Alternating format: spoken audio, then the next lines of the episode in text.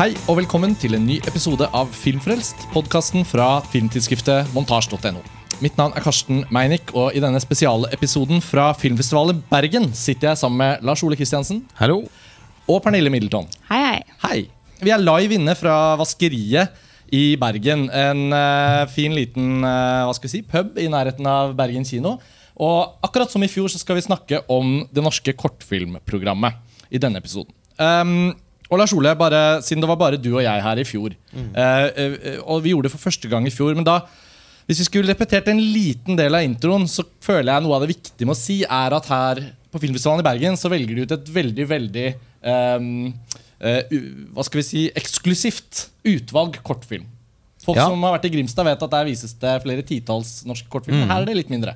Ja, altså, jeg tenker at det er veldig tydelig at øhm, det er noen som, som kuraterer her, og som setter sammen et program eh, som, hvor en også virkelig som publikum får inntrykk av at filmene er eh, lest litt sånn opp mot hverandre. Eh, det fins noen tematiske røde tråder, f.eks., som, som, som er sydd eh, gjennom de, eh, ja, de syv programpostene.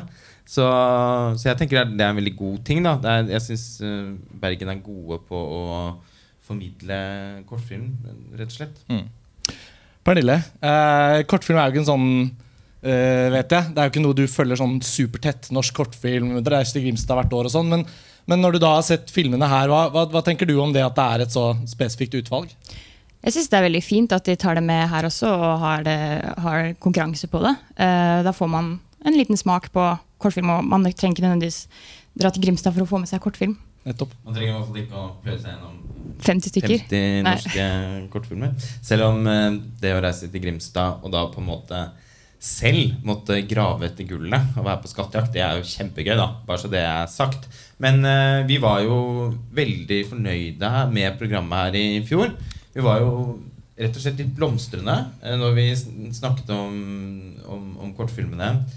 Og morsomt å se f.eks. at Skipack til Fanny Ovesen, som vi løftet veldig da i denne episoden, har jo virkelig hatt en, en fantastisk reise etterpå. Vunnet masse priser, inkludert Amanda.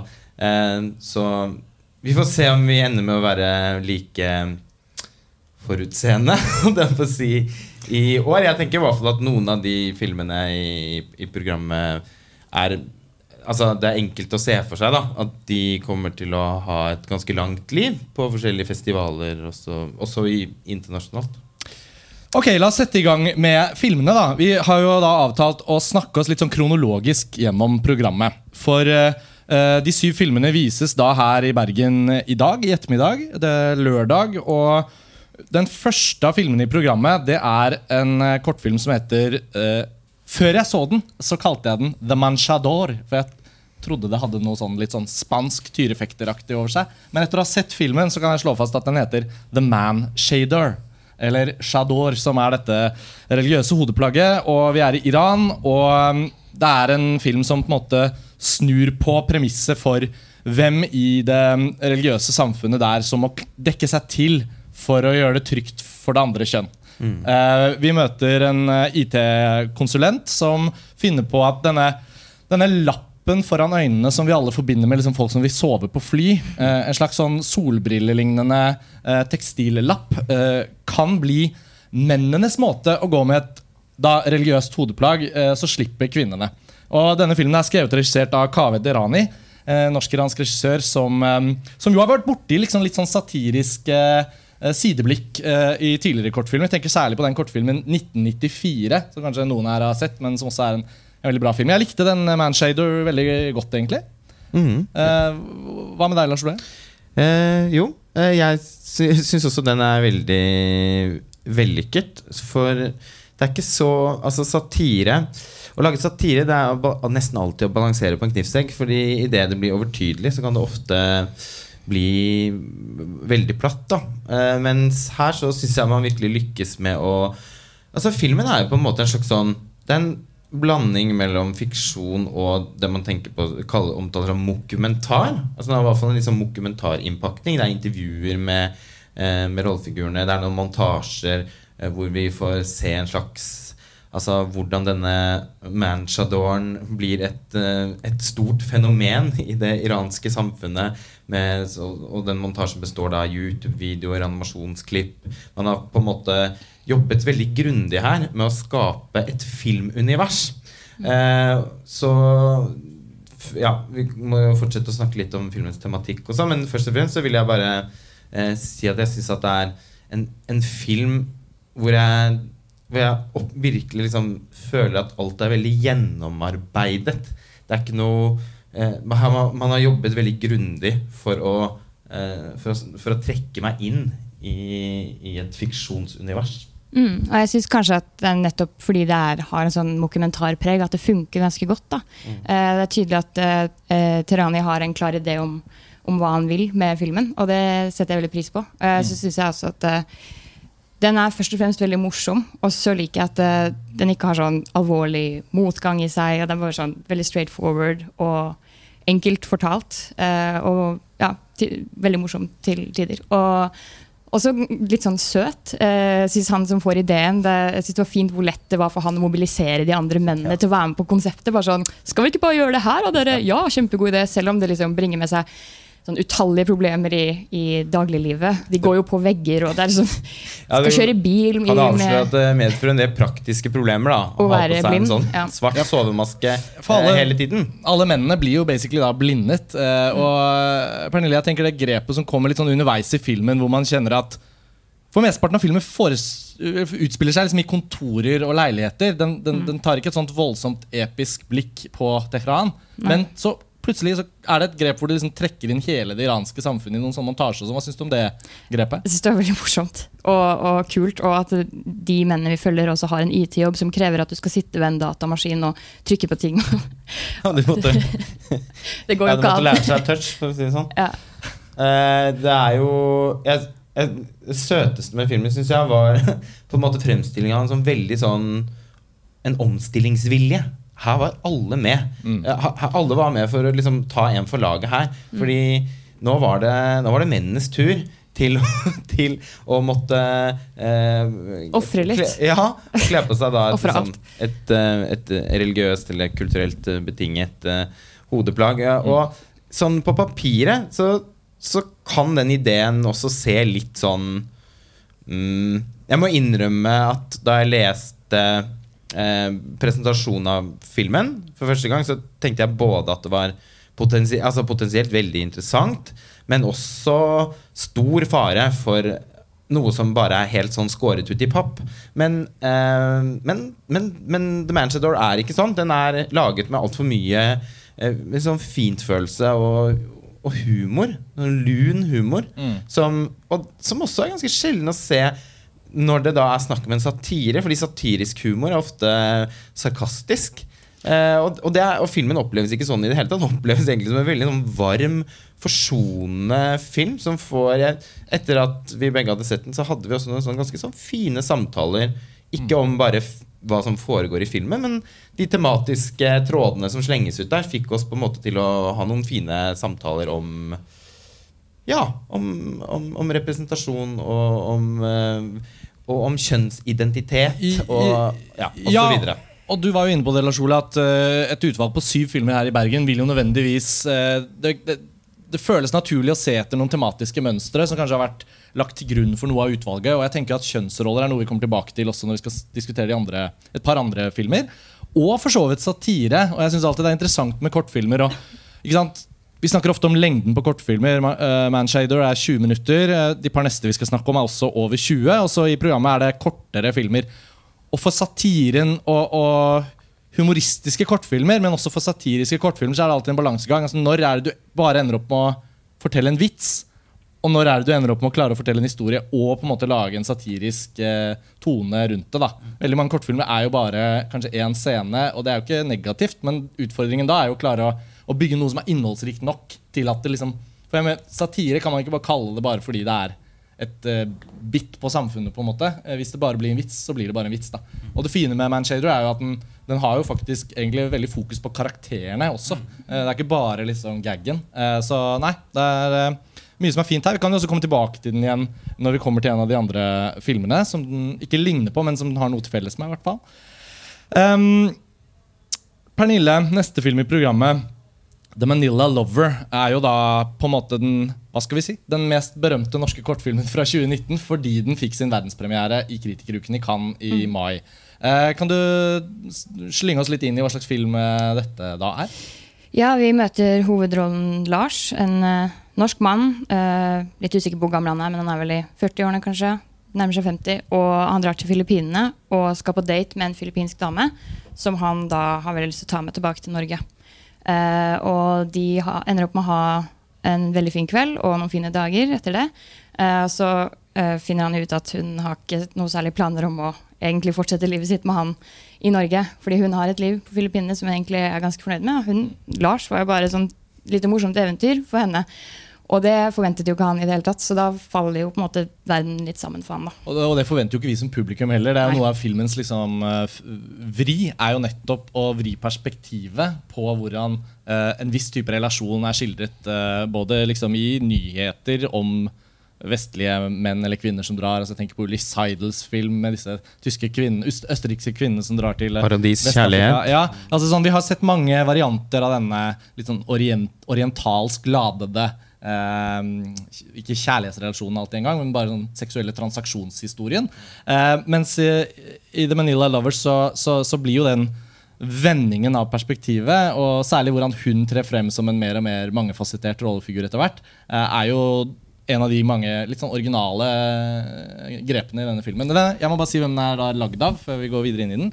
Den er da regissert av Johan, Johanna Pykke, som gikk på Den norske filmskolen. Eh, og eh, å komme da til Kritikeruken i Cannes med sin liksom første sånn prominente kortfilm etter, etter å ha gått på filmskolen, er jo en kjempedebut i seg selv. Eh, Lars Ole, hva, hva tenker du om, eh, om filmen, og hvorfor tror du den ble valgt ut i kritikerukene? Ja, jeg- nei, jeg tenker at eh, det er mange gode grunner til at den ble valgt ut til å bli vist der. Eh, det er en veldig markant film. eh, og det er en, en dypt empatisk, sånn humanistisk film som i, altså Det har den jo da faktisk til felles med The Manchador. Eh, at den snur en situasjon eh, som vi Altså den snur en situasjon litt på hodet. Vi forventer da at det er denne litt sånn, sånn bondske norske personen som skal dra til Filippinene for å skaffe seg dame der og, og, og lokke henne med med lovnad om, om, om villa og, og, fast jobb. og så er det jo helt motsatt, ikke sant? Det er jo henne som han, han er bare et lite eventyr for henne. Eh, som har en kjempe Altså hun har jo et hun jobber jo innenfor fashion og har mann og familie og har ingen planer om å forlate Filippinene for den, den norske eh, byen som man eh, forsøksvis skildrer som et slags paradis, med inkludert en sånn festival som er der hvert år, hvor de får artister fra hele verden, inkludert Alice Cooper, til å spille. Veldig morsomt. Eh, filmen er de, Dette er jo da også en film som Altså Den er helt avgjort ikke en komedie, men den er ikke uten humor. Og, eh, og skildre, altså, skildringen mellom de to er veldig sånn Den er såpass sensuelt gjort i den første halvdelen av filmen at, eh, at- vi lever oss liksom litt inn òg i det lille slags kjærlighetsmisforståelsesdrama som oppstår. Og så ender jo han da opp med å bli ydmyket fordi han ydmyker seg selv. Altså Han klarer ikke Han klarer ikke å akseptere at, eh, at verden ikke er sånn som, eh, som han har tenkt at den er. Og, og at han på en måte blir litt sånn arrestert på slutten av, av, av filmen der. Smurt inn i sin egen forsmedelse. Det syns jeg er veldig til pass. Og det gir, det gir filmen en sånn eh, En liten sånn spik Altså en liten sånn torn eh, til slutt, som er veldig vellykket. Filmen er veldig godt fortalt, syns jeg, fordi den hele tiden holder tilbake mye informasjon. Eh, I motsetning til noen av de andre filmene vi skal snakke om, så, så har man vært veldig gode på å eh, ikke liksom lage en Ikke etablere en fortelling som som vi kan gjennomlyse med en gang. Den er altså, interessant hvordan historien scene for scene bretter seg ut. Eh, jeg syns han som da spiller eh, hovedrollen, eller en av de to hovedrollene, da, Øyvind Brandtzæg, var ikke et ansikt jeg egentlig hadde sett noe særlig på film før, men det var også da desto mer befriende at det ikke var Anders Bosmo Christiansen-typ. Eller sånn. Vi har mange kjente fjes Jeg, som er flinke skuespillere. jeg må innrømme at jeg først trodde at det var Fridtjof Svaheim. ja, altså, han, er, I fem sekunder, men så så jeg at det ikke var det. da han er faktisk uh, stuntmannen til Fridtjof Svaheim i mange Nei da. Eh, men uh, hva, hva tenker du? Altså, var ikke han uh, Jeg synes han var skikkelig Hadde god, du sett han før? eh? Jeg har ikke sett han før. Nei? Eh, Kommer vel fra teater, da. Det er typisk. Det er Kanskje. sånn. Ja, jeg syns han var veldig god, og jeg- ser gjerne mer han er med i videre. på en måte. Um, og jeg likte det jeg likte best ved filmen, var det overraskelseselementet som dere har kverna nå. egentlig. Eh, og at vi som seere går inn med de samme forventningene som han. egentlig. Fordi det blir jo presentert på den måten, og vi forventer jo at det er en sånn type historie som man har hørt så mange ganger før. Eh, og det med at han som du sier, lokker med fast jobb, og mange begynner som, som uh, vaskestuepike på et hotell, og det kan de gjøre. Og så hun bare sånn Please. Jeg har en businessleilighet uh, Ja. som vi kan være i mens du prøver å finne ut av hvor du skal gjøre det. Fordi han mister jo også penger underveis her, og jobb. Så han, Ja. bare, han synker jo bare lavere og lavere ned i mannshullet sitt. Akkurat det du beskriver nå, er jo også filmen veldig god på å skildre i bilder. Altså, den visualiserer veldig ofte disse forskjellige forflytningene av følelser. Skuffelse, glede. Og også i de sexscenene som fins, så føler jeg ikke vi ser typiske filmsexscener. Vi, ser, vi får liksom en litt annen vri på det. Og det, det inkluderer liksom det keitete og litt sånn teite og mislykkede og kleine. Eh, vi får litt sånn frontal mannlig nakenhet. Som, det skulle bare mangle at det skjer på film av og til, det òg, men det er jo helt sinnssykt sjelden, egentlig. Eh, bare sånne ting som det, da, at filmen hele tiden velger å, å passe på å tilføre det visuelle det man skal føle. Og det er jo det man håper at filmer gjør, istedenfor å bare snakke, snakke seg gjennom det. Og så er det Og så har filmen en, en stil. Altså den er eh, ja, Kameraarbeidet var veldig fascinerende, syns jeg. Masse bruk av zoom. Torbjørn Sundal Holen heter han. Mm, ja. ja. ikke hørt om. ikke et uh, kjent navn for meg. Uh, desto mer gledelig å kunne konstatere at vi har fått en ny spennende filmfotograf. Uh, fordi altså både bildekomposisjonene, bruken av zoom eh, Altså mange eh, det, det er mange visuelle motiver i filmen som var på en måte litt sånn Ja, det høres jo litt dumt ut å si det, men litt sånn unødvendig bra. Eh, altså at man hele tiden har funnet eh, Altså Hvis man har hatt en mulighet til å kunne gjøre et bilde mer uttrykksfullt, så har man valgt å gjøre det. Eh, var også veldig passende for filmen at den er skutt i 4-3, eller Academy Ratio, eh, som, skap, som bidrar til den litt sånn fortetta stemningen. Absolutt. Det er en veldig bra film, rett og slett. Ehm, jeg foreslår at vi hopper videre til neste tittel. Altså, hvis vi kjenner for å trekke inn en av de vi allerede har snakket om fordi det er noe overlappende, så syns jeg vi bare gjør det. Føler oss frie til det. Men la oss da komme til den tredje filmen. Og Bergen Filmfestival har jo da valgt å vise de tre lengste filmene først. Så for publikums del så er det i hvert fall her sånn at eh, den første timen av programmet fordeles over disse tre første filmene. Da. Og den tredje er eh, noe ganske annet enn de to første. eh, 'Satans barn', regissert av Thea Wistendal. Um, og dette er jo da en film som tar oss ganske raskt inn i en uhyggelig stemning. Uh, vi møter uh, noen barn. De er kanskje ti? Cirka? Elleve. Elleve, ja. Eh, på en form for sånn som, kristen sommerleir. Altså Korriger meg hvis jeg ordlegger meg litt sånn det, Kanskje det er noe enda mer spesifikt man kan si, men la oss si det er en kristen sommerleir ute ved havet. I noen flotte landskap, i noen flotte bygninger. Og jentene er da på en måte på leirskole eller er venninner og, og litt sånn religiøs sang og litt felles bønn og sånn. Og så kommer det en ny jente som noen av dem må ta hånd om. Og da starter jo Ja, da kom- enda da mer uhygge enn det var allerede var. Ja, Da kommer Erna, eh, som egentlig ser litt eldre ut enn de andre. Men det er kanskje meningen at hun skal være litt mer sånn Se litt mer faretruende ut. Da, for Hun kommer med det lange, mørke håret sitt, og de andre er veldig sånn søte, små, uskyldige og har sånn blonde fletter. og sånn. Så det er en veldig fin kontrast da, til de andre barna. Og så er det noen som motvillig blir satt opp til å ta hånd om henne og vise henne rundt. Og sånn. Og så blir det veldig vanskelig når det allerede er klikker, og folk allerede er bestevenner, og nei, de vil være med vennen sin istedenfor den nye jenta. fordi hun sier jo ikke et ord heller.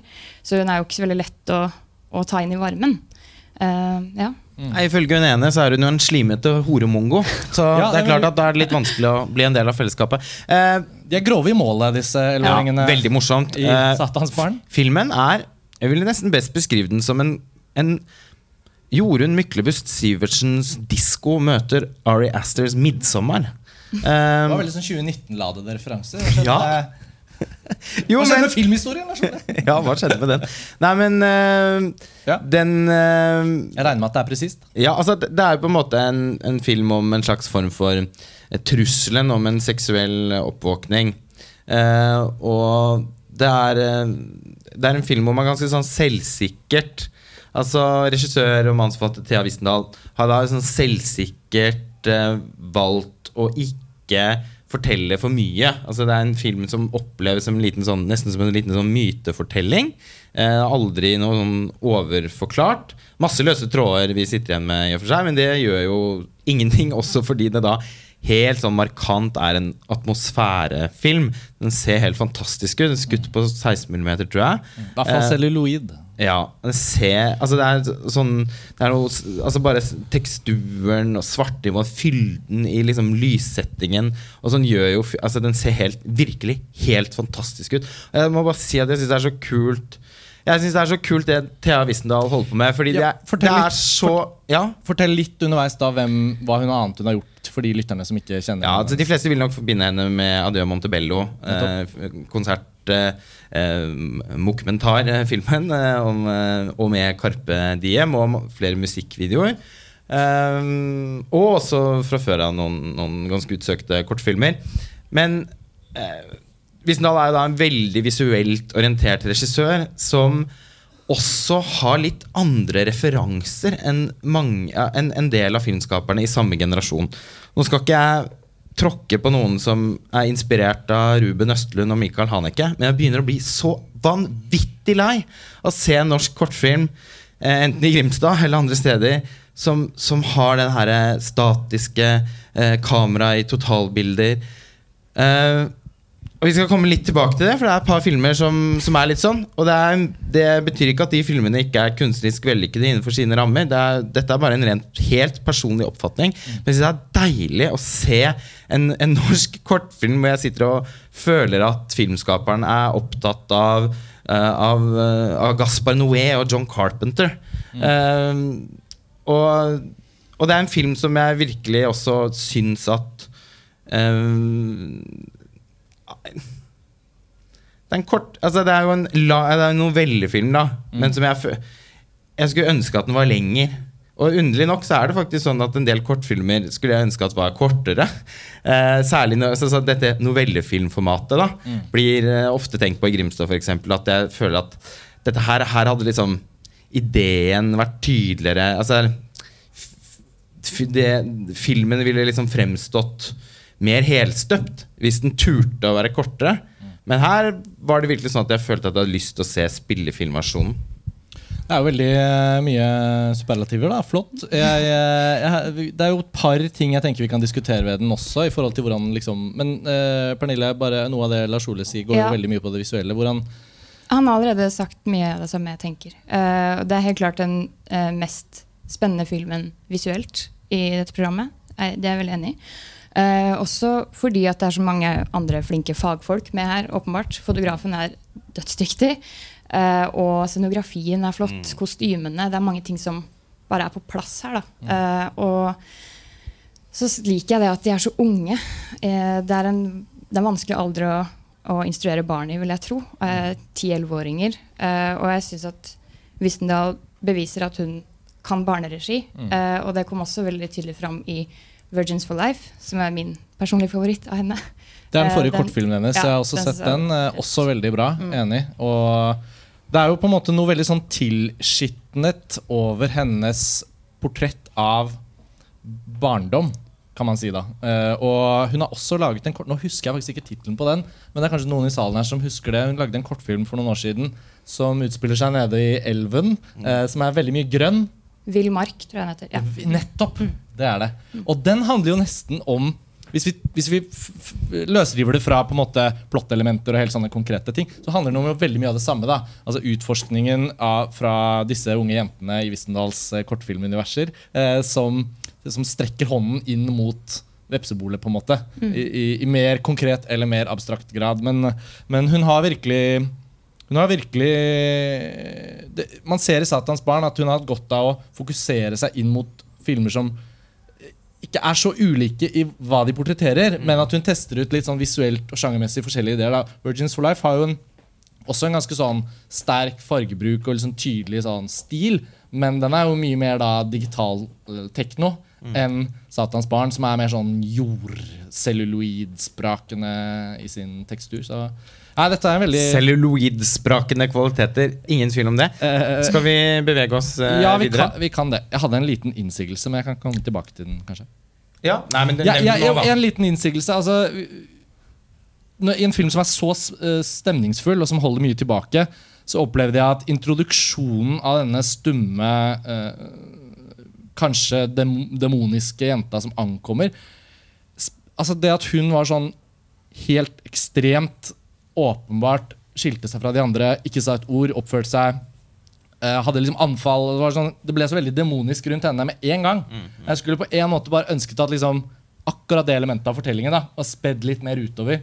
At kanskje følelsen av denne uh, andre jentas ankomst kanskje kunne vært Jeg vet ikke. Jeg bare følte at det var så mye krutt i stemningen allerede. At den hadde ikke trengt å være så um, Altså, men, men Hard på det. For å skape litt sånn spenning, så kan jeg være enig med deg. Men samtidig så føler jeg at hun liksom først og fremst bare liksom representerer det objektet. Og at det er ganske At hun liksom ikke er en Nei, at hun hovedsakelig har en symbolsk ja, funksjon. ja, da gir det jo litt mer mening. Ja, Fint, da fikk jeg sagt det.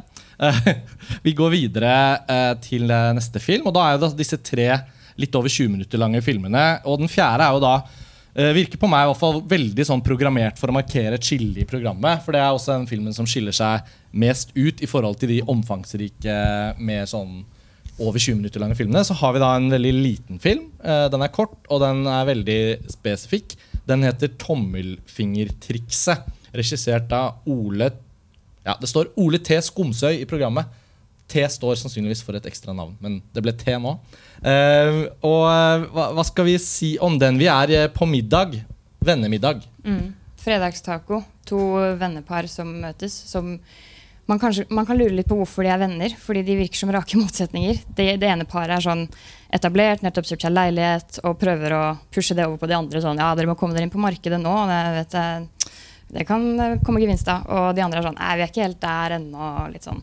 Så det, er litt sånn konvensjonell oppbygning først. Litt sånn tørr samtale rundt bordet. Um, og så, ja, så er det egentlig veldig klein stemning, fordi du merker at de er på så forskjellige plasser, da, og det virker ikke som at noen av de egentlig ønsker å være der eh, etter veldig få minutter. Så, og så blir det veldig rart, fordi Det, eh, det, vi kan jo ikke snakke om filmen uten å snakke om alt Nei, man i må jo si hva så, det er som skjer. eh, ja, det må vi nødvendigvis, da. Så, Ellers men, er jo eh, poenget borte. Men jeg er sikker på at de som skal se kortfilmene i Bergen i dag, de har nødvendigvis ikke alle av dem er her nå. Så jeg tenker jo at for lytterne så må vi nødvendigvis gjøre det. Eh, Mm. Og så får heller de som ikke vil ha tommelfingertrikset avslørt, Mm. så tommelfingerregel. det kommer da fram under eh, smalltalken etter middagen at han ene, eh, som virker mest normal, Jeg jobber i barnehage. Og så forteller han litt sånn anekdoter fra barnehagen om hva barna liker. Og, og så skal han vise da tommelfingertrikset, som er litt sånn i, beslektet med sånn å ta i nesa di'. Eh, litt sånne ting som alle har sett som barn og blitt litt sånn sjokkert over når de var små.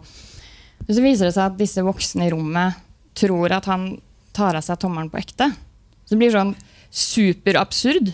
Veldig brått. Mm. Uh, og egentlig litt sånn banalt og veldig, veldig teit, men på en morsom måte, Synes jeg. Ja, og det, det, du, Vi diskuterte denne filmen litt, fordi uh, vi hadde kanskje litt forskjellig oppfatning om det fungerte eller ikke. Og jeg er vel kanskje litt sånn midt imellom, men, men noe av det som effekten Effekten oppstår jo litt fordi uh, de litt noen minutter før så snakker de om uh, maten og vinen også fordi han, han med krøllene, som litt er en slags hovedperson, som gjør dette tommelfingertrikset, han føler vel liksom at denne litt eh, pretensiøse duoen som har flyttet litt ut av Oslo, og som liksom har svaret på alt, han, han føler liksom at det blir, litt, det blir bare litt for teit. Og for å runde av det med en spøk, så påpeker han at vinen de drikker, er gått ut på dato. eh, Fordi den er fra 2008. Eh, Og så, Så er responsen har jo ikke gått ut på dato, fordi de tar jo ikke en spøk. De tar ikke spøken, og så er det litt sånn. Og da tenker jeg at idet den vendingen med selve tommelfingertrikset kommer, så, så sitter man jo noen sekunder og venter på Drar de nå sin spøk ekstremt langt for å hevne seg, eller er det ikke? Det føler jeg filmen er liksom, Mm. Meningen er å spille på det, da. Og så viser det seg jo selvfølgelig bare at de alle klikker, og, og så er filmen ferdig. Som en scene i en film så vil jeg jo si at det ikke ville funket i det hele tatt. Men som en åtte minutter lang sketsj, så, så kan jeg ta det. Ja, for Det er jo en, hovedsakelig på en måte en sketsj. Jeg ble bare så, jeg ble sånn skuffet av hvilken retning filmen tok. For jeg følte at jeg, de, de første minuttene synes jeg var veldig morsomme. Eh, og tenkte at her kan det bli litt sånn inter, interessant diskusjon om dannelse og smak og sånn. Eh, det var noen veldig sånn tydelig plasserte Altså Det verste produktet i kanskje hele verden, nemlig sånn ferdig avokado, sto i plastemballasje på bordet. Jeg tenkte oi, jeg håper det skal handle om det.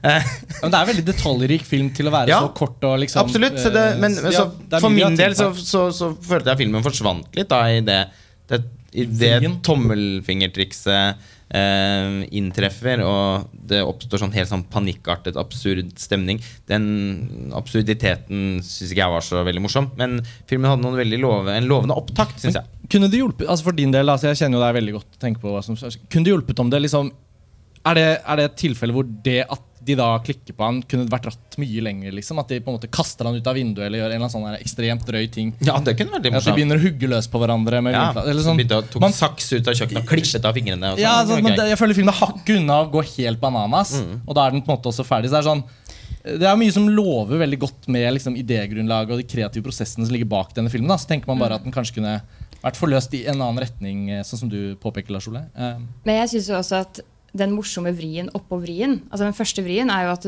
to voksne mennesker tror han tar av seg tommelen. Og den morsomme vrien oppå det er jo at hans kjæreste sin reaksjon, som, altså hun som også virker som en av de normale da, ved første øyeblikk, eh, hun tror jo også på det. Og klikker helt i vinkel og ber han om å komme seg til helvete ut derfra. Så da er det sånn, hva slags realitet er det vi lever i? Jeg er sikker på at det blir en fin Q&A for filmskaperne etter den uh, visningen. Det blir helt sikkert noen spørsmål. Hva mente dere med hvordan? var det?» Ja, Um, jeg hørt, da. Ja, vi skal, eh, vi skal gå litt videre, og nå tror jeg vi kommer til å mer og mer også snakke litt sånn overlappende om filmene. Fordi litt sånn på mitt forslag så føler jeg at neste filmen, Wimbledon, regissert av Ernst de Geer, eller de Geer, jeg har alltid liksom litt lyst til å si det på nederlandsk, bare fordi det inviterer så veldig til det. Men uansett, eh, han, Ernst var her i fjor med filmen sin Kulturen, fra eksamensfilm fra Norsk Filmskolen.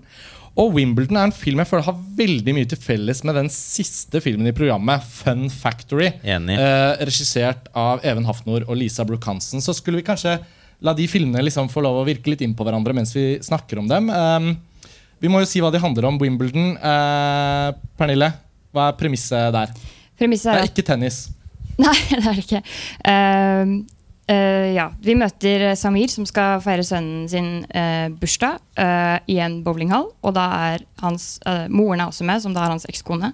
Og en venninne av henne eller noe. Jeg vet ikke helt hvem hun siste er. Og du merker at um, faren har blitt kanskje mer og mer distansert etter skilsmissen. Han har flyttet litt ut. Det er kanskje ikke like gøy å dra til pappa lenger. Og da er det veldig viktig for han å sette et standpunkt på at han fortsatt er liksom pappaen, og han vil fortsatt være liksom favoritt hos sønnen sin. Så han har jo da slått til og kjøpt en ekstremt dyr bursdagsgave, som er billetter til Wimbledon. da.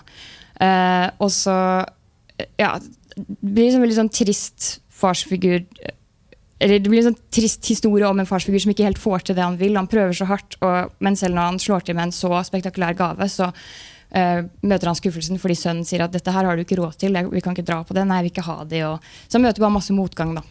Um, så kan en av dere oppsummere Fun Factory.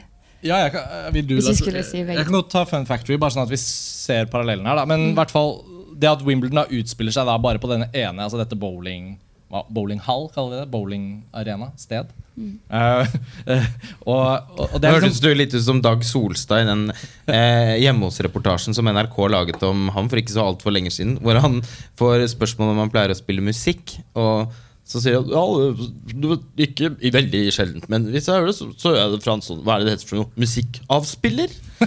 Jeg har aldri hørt noen si. Takk for Solstad-sammenligningen. Den tar jeg imot. eh, Men eh, i hvert fall, Wimbledon utspiller seg på dette bowlingstedet. Og Fun Factory utspiller seg på en sånn leke... Sånn der, vi føler kanskje vi er i nærheten av et stort kjøpesenter eller et sted hvor det skjer masse andre ting. Et sånn helvetested, sånn Leos lekeland. Ja, og så er det så er det en slags sånn lekeplass kombinert med en slags kiosk. Uh, Og der er det også da en familie, altså et, par, et foreldrepar. og Det viser seg etter hvert er det flere foreldreskikkelser. og det utspiller seg en sånn scene. på en måte Og det er jo litt det som også skjer i Wimbledon. Um, kanskje litt mer fleshed out uh, familierelasjoner, og det er litt mer av det i, i Wimbledon. Men filmene har mye til felles fordi de, de hviler veldig på det å portrettere hvordan uh, relasjoner litt sånn brytes sammen på dypt plan gjennom overfladiske ting. Altså at Dypest sett så har begge de eh, filmene til felles at det ser ut til å egentlig gå jævlig dårlig med de rollefigurene vi blir kjent med, men selve problemet de har på overflaten i situasjonen, er bare helt En teit. bagatell. Ja, Ja, det er jo liksom deres underliggende problemer i familielivet da, og privatlivet som kommer til syne i offentlig rom. Noe som selvfølgelig er veldig ubehagelig. Uh, ja. Hvordan kan vi si at disse filmene tar liksom forskjellige eh, veier til målet da her? Ja, man kan jo si at uh, begge er jo litt uh, Altså, begge anvender jo det vi tenker på som litt sånn pinlighetshumor. Um, typisk Som vi f.eks. For forbinder da med Ruben Østlund sine filmer. eh, som jeg nå har lansert som en litt sånn belastet referanse. Men eh, Men visuell, vis, Kameramessig og visuelt var det ikke så mye til felles med Ruben Østlund. i Fun Factory vil Ja, jeg jo men, ja, nå mente jeg at den Wimbledon er litt Nei, mer sånn vi kan godt ta. Wimbledon først. Den, eh, der, er det, det er jo på en måte en fortelling hvor alt som kan gå galt, går galt. Altså Det er en mann som har, gjennomlever en dag med store ydmykelser, hvor alt han prøver på, eh, går til helvete. Eh, og filmen er veldig sånn Den virker veldig sånn plaga og sint. Den er ikke morsom, syns jeg. Eh, jeg synes den er bare Den er jo vond mer enn den er morsom. Eh, men den er også Jeg var skuffet over den filmen, for jeg var veldig begeistret for kulturen. Eh, eksamensfilmen til Ernst G fra Filmskolen, som vi snakket om og løftet fram eh, her i fjor. Eh, den her syns jeg er mindre visuelt gjennomarbeidet. Altså, jeg synes den rett og slett var jeg synes at den rent stilistisk så synes jeg den hadde tjent på å være mer distinkt.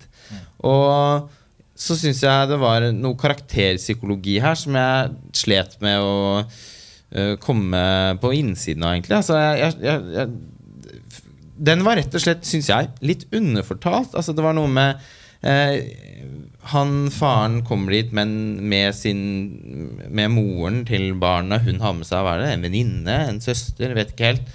Eh, det, relasjonene dem imellom virker jo å være helt sånn Altså, de er jo åpenbart ikke så gode.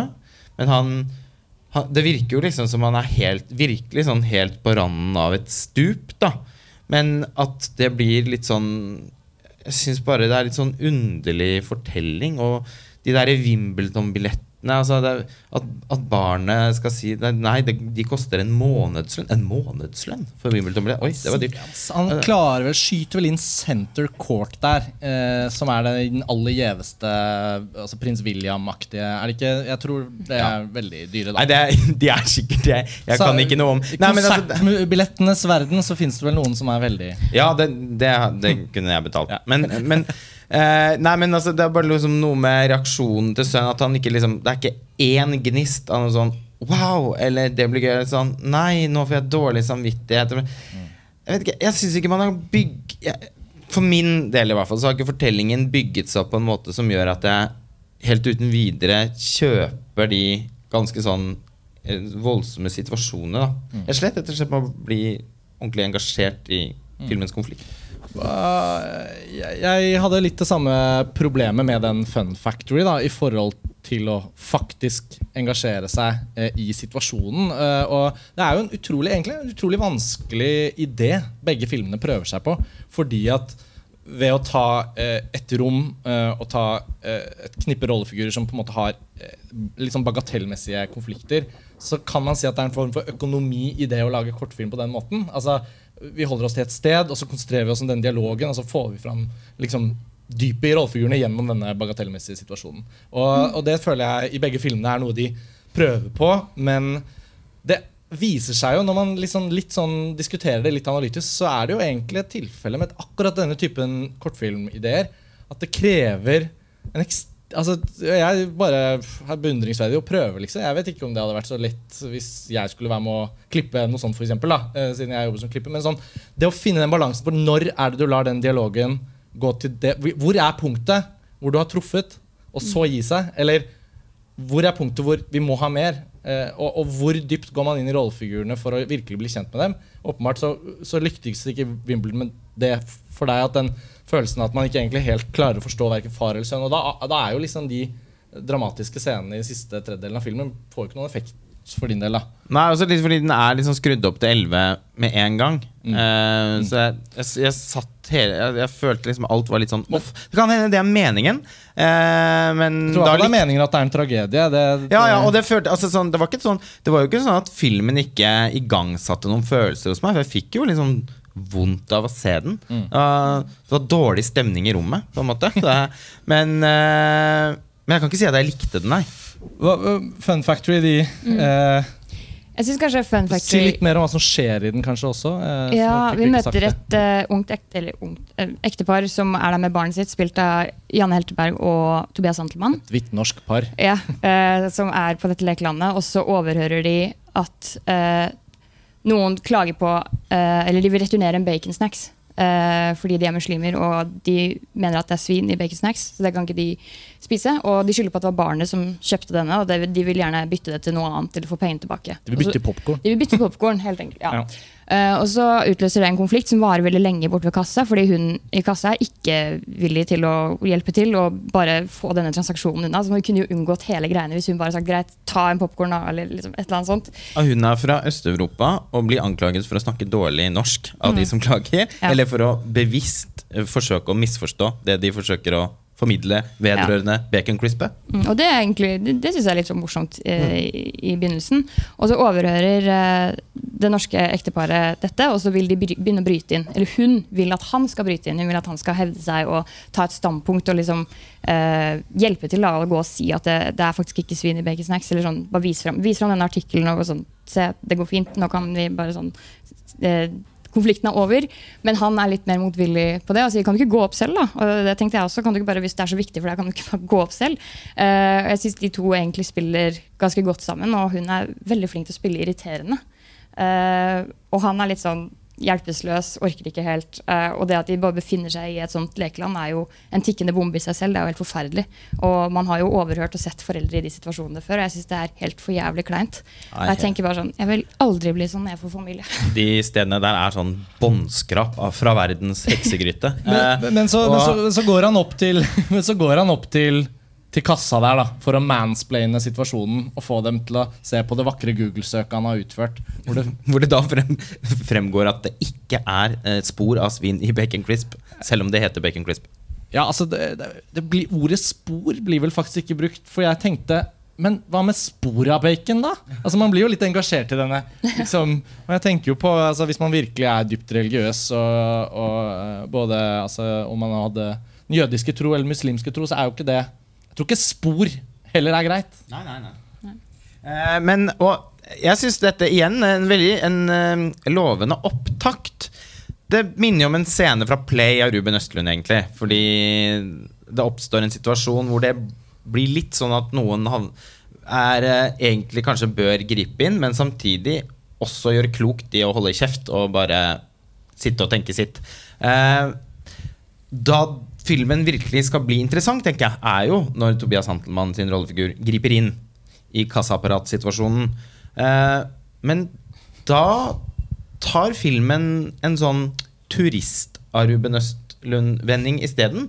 Eh, hvor det da blir en sånn ekteskaps- eh, eller samlivskrangel om kjønnsroller mellom, mellom han og kona som, som er veldig platt, syns jeg. Og, eller, Er- den bare det er føler jeg at den har vi hørt veldig mange ganger før, og den har jo veldig lite å gjøre med den situasjonen som filmen ellers har handlet om. Det er som om filmen har gryten på den platen som er på ti, og er på vei til å få det til å koke, og så bare flytter den rett over på en annen.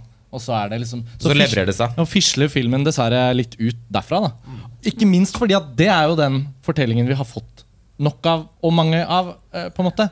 Kjønnsrollene i et sånt hvitt pars diskusjoner om hvem som vasker etter Altså, og det kan man lage kjempetreffende og morsomme ting om, men det, men, da, men det hadde ikke heller denne filmen mulighet til, på en måte med de fire minuttene eller hva det er som gjenstår. Det blir bare litt sånn overflatisk, og jeg syns det er synd for en film med en så, mors med en så morsom setting og en så morsom eh, situasjon at den på en eller annen måte også feiger litt ut. For det er da Og det er helt åpenbart eh, modellert på, på, på Ruben Østlund sin stil, og, og egentlig hele hans univers. Og eh, men det Ruben Østlund da er veldig god på, f.eks. i nevnte Play, det er jo at han gjør situasjonen ubehagelig. Det er først morsomt, men så blir det også forferdelig fælt. Og man, som tilskuer så føler man seg liksom stirret inn i øynene. Og, og man begynner selv å vurdere hvordan ville jeg agert i den situasjonen. Hvordan hadde jeg ønsket å agere? Eh, er det nødvendigvis sånn at jeg ville ha gjort det jeg ønsket at jeg skulle gjøre? Eller hadde jeg blitt sittende stille? Og så- og og- Ideelt sett det bør man komme, komme ut av filmen med de spørsmålene. Mm. Uh, men det blir liksom nullet ut litt. da Ja, så Eh, føler jeg det blir besvart også med en gang du stiller deg selv stiller spørsmål. Sånn, jeg hadde ikke orka det der. Jeg bare, nei, nei. La det ligge, ikke la det bli min konflikt. Når filmen da er på vei mot noe som føles originalt og ganske bra, så føler jeg at det ganske Det skjer litt fordi at de to Altså, La oss si det er en, i hvert fall en, en mor som, eh, som er muslim, og hennes venninne eller Altså, det er to kvinner i hvert fall, som er der ved, ved eh, kassa og klager på baconkrispet. Og hvordan de to De blir jo ikke helt rollefigurer, på en måte, for vi får ikke liksom møte dem. Ja, De står alltid med ryggen til også. Filmen observerer dem sånn som Santelmann og, og, altså Sånn som de blir observert. da og, og det er jo veldig herlig hvordan de har De har veldig sitt eget mission. Og jeg syns filmen, når den er på sitt beste, tjener veldig på at når Santelmann da står der og prøver å mansplaine, så er de veldig sånn ikke bland deg, herregud. Kan ikke du bare, La oss bare ha den diskusjonen. Og hun litauiske bak kassa er også bare sånn Du, dette løser vi helt fint. Altså sånn, Måten han blir avvist på, er veldig bra. Og det er også sånn Det er liksom sånn Det er sånn punkt, da. Og jeg tenker sånn Sikkert ikke så lett, og kanskje man har en helt annen idé for hvor filmen skal, og da lager man det man hadde tenkt å lage. Men helt sånn sett fra utsiden så føles det som filmen når et sånt punkt, og så er det sånn Å, det er der den er! Og så, å, så går den ned. Ja, jeg likte også det at de ikke på en måte lar han være helten og redde dagen til den situasjonen. Ja.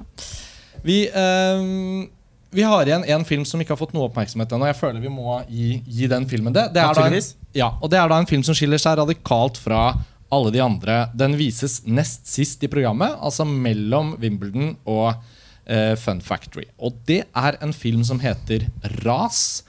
Den er regissert av Simon Huymans. Um, og det er en animasjonsfilm. Og det er en eksperimentell animasjonsfilm. Og eh, for å trekke inn Grimstad, da, som er en sånn arena hvor de fleste som driver med dette i Norge, har i hvert fall vært eh, en gang eller to og sett film, så kjenner man jo av og til på hvordan en sånn animasjonsfilm med et eksperimentelt uttrykk kan komme inn i en sånn kuratert sammensetning av narrative kortfilmer. Og enten være da en skjermsparer, og man lurer på hvorfor i granskauen er denne filmen her. Eller den kan være I Grimstad så var Ja. det faktisk en film som var en skjermsparer. Ja, noen, var- burde jo, noen burde jo sende inn en skjermsparer. Den var nesten en halvtime lang, men den uh, ja. Men det er jo ikke tilfellet her, da. Den var, Eh, ja, den var Du var ikke i Grimstad det året, Nei, jeg vet det. men den, den hadde altså et kamerablikk som ble beskrevet av en eh, sånn eh, tekstplakat før filmen, som var perspektivet til en hold pusten forhistorisk mygg. Og den forhistoriske myggen den kunne da autosome, sånn som eh, skjermsparere gjorde på 90-tallet. ja, ja, ja, hvor det er en sånn evig sånn at det byttes. Ja. Det er den verste Grimstad-animasjonsfilmen jeg har sett, i hvert fall. Men du har ikke glemt den. Nei. Eh, den har dukket opp i mange sammenhenger som en, eh, som en illustrasjon og anekdote. Og igjen nå. Og poenget mitt var jo Egentlig er jeg veldig opptatt av den. Kanskje du egentlig må tilbake til den. Eh, Poenget mitt var jo egentlig bare for å si noe pent om ras. da For å starte der, så er det eh, ikke en sånn animasjonsfilm. Den er heller ikke så lang som du nå. Den er seks minutter lang, og den tar i bruk et uh, ganske sånn distinkt animert uttrykk for å ta oss gjennom det som mest av alt føles som en audiovisuell stemning. Og, og jeg hadde veldig sansen for denne filmen. Uh, den har på en måte Den er så fritatt fra sånn narrativ uh, kinoopplevelse at den, den vil jo først og fremst være da stemningsfull. Og sikkert desto større lerret og desto høyere lyd, desto bedre blir den sikkert. Jeg vet liksom ikke helt om jeg konkret kunne fortalt deg hva den handler om. Den har sikkert et budskap. Ja, men vi, kan, vi kan beskrive litt hva vi får Ja, se. men Da. det er jo altså, Ja. ja. jeg tillot meg selv da, å i hvert fall bli mer opphengt i lyddesignet og uh, fargebruken. Jeg syns det var veldig sånn fortryllende, egentlig, hvordan fargene uh, og bevegelsene i det bare tok oss gjennom hele greia. Og vi har jo ikke fått sett Altså, jeg har ikke fått sett disse her på kino, eller noe. Vi fikk jo de på screenere i forkant, og jeg kjenner at det er en av de jeg kanskje absolutt ville hatt kinoopplevelsen på. da, Å få enda mer igjen for nettopp de virkemidlene. Ja, men, men jeg, jeg, sånn eh, Nei, den, der- filmen har ikke en narrativ karakter. Men den handler jo på en måte om innsiden av en kropp som blir utsatt for eh, klimaendringer. Som gjør at kroppen til slutt visner og dør. Og så Sånn sett så, så fanger den jo Altså Den springer ut av tiden den er laget i. Og jeg synes det, altså Den er innmari vakker. Eh, jeg kan ikke så veldig mye om animasjonsteknikk, men den ser ut som en slags altså, en digital kollasj bestående av håndtegnede elementer. Og tungt inspirert av da hvordan kropp, innsiden av kroppene våre er jo egentlig utrolig vakre. Eh, altså hvordan liksom arterer og kapillærer og eh, muskulatur og sånn ser ut. Hvis man stiliserer det litt, så, det, så blir det sånn, sånn, sånn ja, fortryllende ornamentikk, da. eh, som jeg syns at den filmen her eh, anvender på en veldig fin måte. Enig. Den minte, på et eller annet vis så minte den litt om de første minuttene av eh, David Finchers Fight Club. Den fortekstsekvensen som utspiller seg inni en sånn verden av celler og hud og tråder og ditt og datt. Så kommer den zoomen sakte ut av pannen til Edward Norton, er det vel der. Og så langs med den pistolen, og så skjønner man jo, hvor man er. Uh, uh, det er uh, en, en film som jeg syns egentlig har en teknikk jeg ikke helt kan føle å ha sett så mye til. For den kombinerer som du sier, Lars Ole, den kombinerer noen av de elementene som man kanskje har sett litt i animasjons før. Da, at liksom, ok, Det er litt sånn tegnet look, men også litt sånn digital. Um, og den unngår den skjermsparereffekten. Dette er en idé som fort kunne havnet litt i skjermsparerland. Og jeg tror kanskje noe av det som hjelper den, er lyddesignet. da. Jeg, eh, jeg hadde, akkurat denne hadde jeg muligheten til å spinne opp på, på hjemmekinoen og dra opp litt. Og det, det, det, var veld, det er veldig spennende lydbilde i denne filmen òg, må sies. Altså, det er, det er eh, Filmen var veldig sånn om lag seks minutter. Det er i hvert fall seks minutter hvor jeg satt med hvitt oppsperrede øyne. Så den håper jeg virkelig noen eh, Altså, i det hele tatt så er jo kortfilmprogrammet verdt mer enn verdt å anbefale. Det er jo på en måte konklusjonen også i år, selv om vi har ulike tanker og meninger om de forskjellige filmene. Så Ja. er det helhetlig sett et veldig bra kortfilmprogram som Ja. mange burde prioritere under biff. Det kan selvfølgelig, ikke sant Når man da har et kortfilmprogram som skal konkurrere med, med, med toppfilmer som har vært vist i filmfestivalen i, altså i Cannes og Venezia og sånn, så det jo, kan det ofte oppleves sikkert som en litt sånn vanskelig prioritering. Samtidig, det å kunne få se norsk kortfilm på kino, det er ikke en anledning som byr seg så veldig ofte. Så mens noen av de andre filmene som er her, kommer jo, noen av dem kommer jo til og med på kino veldig snart. Så eh, vi må jo på en måte oppfordre folk til å benytte denne anledningen. Absolutt. Eh, vi var vel akkurat kanskje da ett eller to knepp mer entusiastiske i fjor. Kanskje fordi de aller beste filmene i fjor holdt et skyhøyt nivå. Og det er ikke hvert år man kan eh, smykke seg med f.eks. at eksamensfilmer fra filmskolen At det er så mange av dem som er så bra. Det har vel knapt skjedd før. Så i fjor var jo et litt sånn spesielt år sånn sett. Jeg synes det er fine Ja, men når det er sagt, Jeg syns de, sånn, de to-tre beste filmene her i år er på, For meg er de på samme nivå. Så det må jeg bare si. Ja, men det er bra. Jeg tenker uansett at uh, det holder et høyt nivå i år også, da, var vel kanskje eh, min oppsummering. Og at vi, vi ser jo da at kuratering med så, liksom, så strengt utvalg gir jo da muligheten for noen sånne tematiske tråder og sånn. Og hvis man skal se 20-30 filmer, da er det jo en større fare for at alt bare vannes ut i en sånn saus av kortfilm. Så og Pernille, som du har jo ikke så ofte vært slynget inn i en sånn kortfilmdiskusjon. da. Hva er det noe avsluttende ord du vil si om det du har sett? Jeg er bare enig med det dere sier, jeg, om gå og se. Er eh, jeg vet ikke om det skal gå flere ganger, men det går i hvert fall nå i dag, på lørdagen. Og Ofte blir jo norsk kortfilm senere også tilgjengelig enten på Filmbib, denne uh, strømmetjenesten som aldri markedsføres, men som eksisterer, hvor uh, norsk kortfilm og dokumentarfilm finnes uh, fritt tilgjengelig for alle med et lånekort eh, i Norge. Så det er jo utrolig mye bra norsk kort- og dokumentarfilm som er der. Og sikkert noen av de her vi har snakket om, skal sikkert dit, eller er der allerede. Så hvis ikke man kan se det på kino her under Filmfestivalen i Bergen, så er det mulighet å google litt og se om man kan oppsøke disse kortfilmene på andre arenaer. Pernille, Lars Ole, vi får si eh, takk for nå. Takk for eh, at dere stilte her i panelet. Takk til dere som hørte på, og da er vi snart tilbake med en ny episode. Ha det bra. Ha det bra!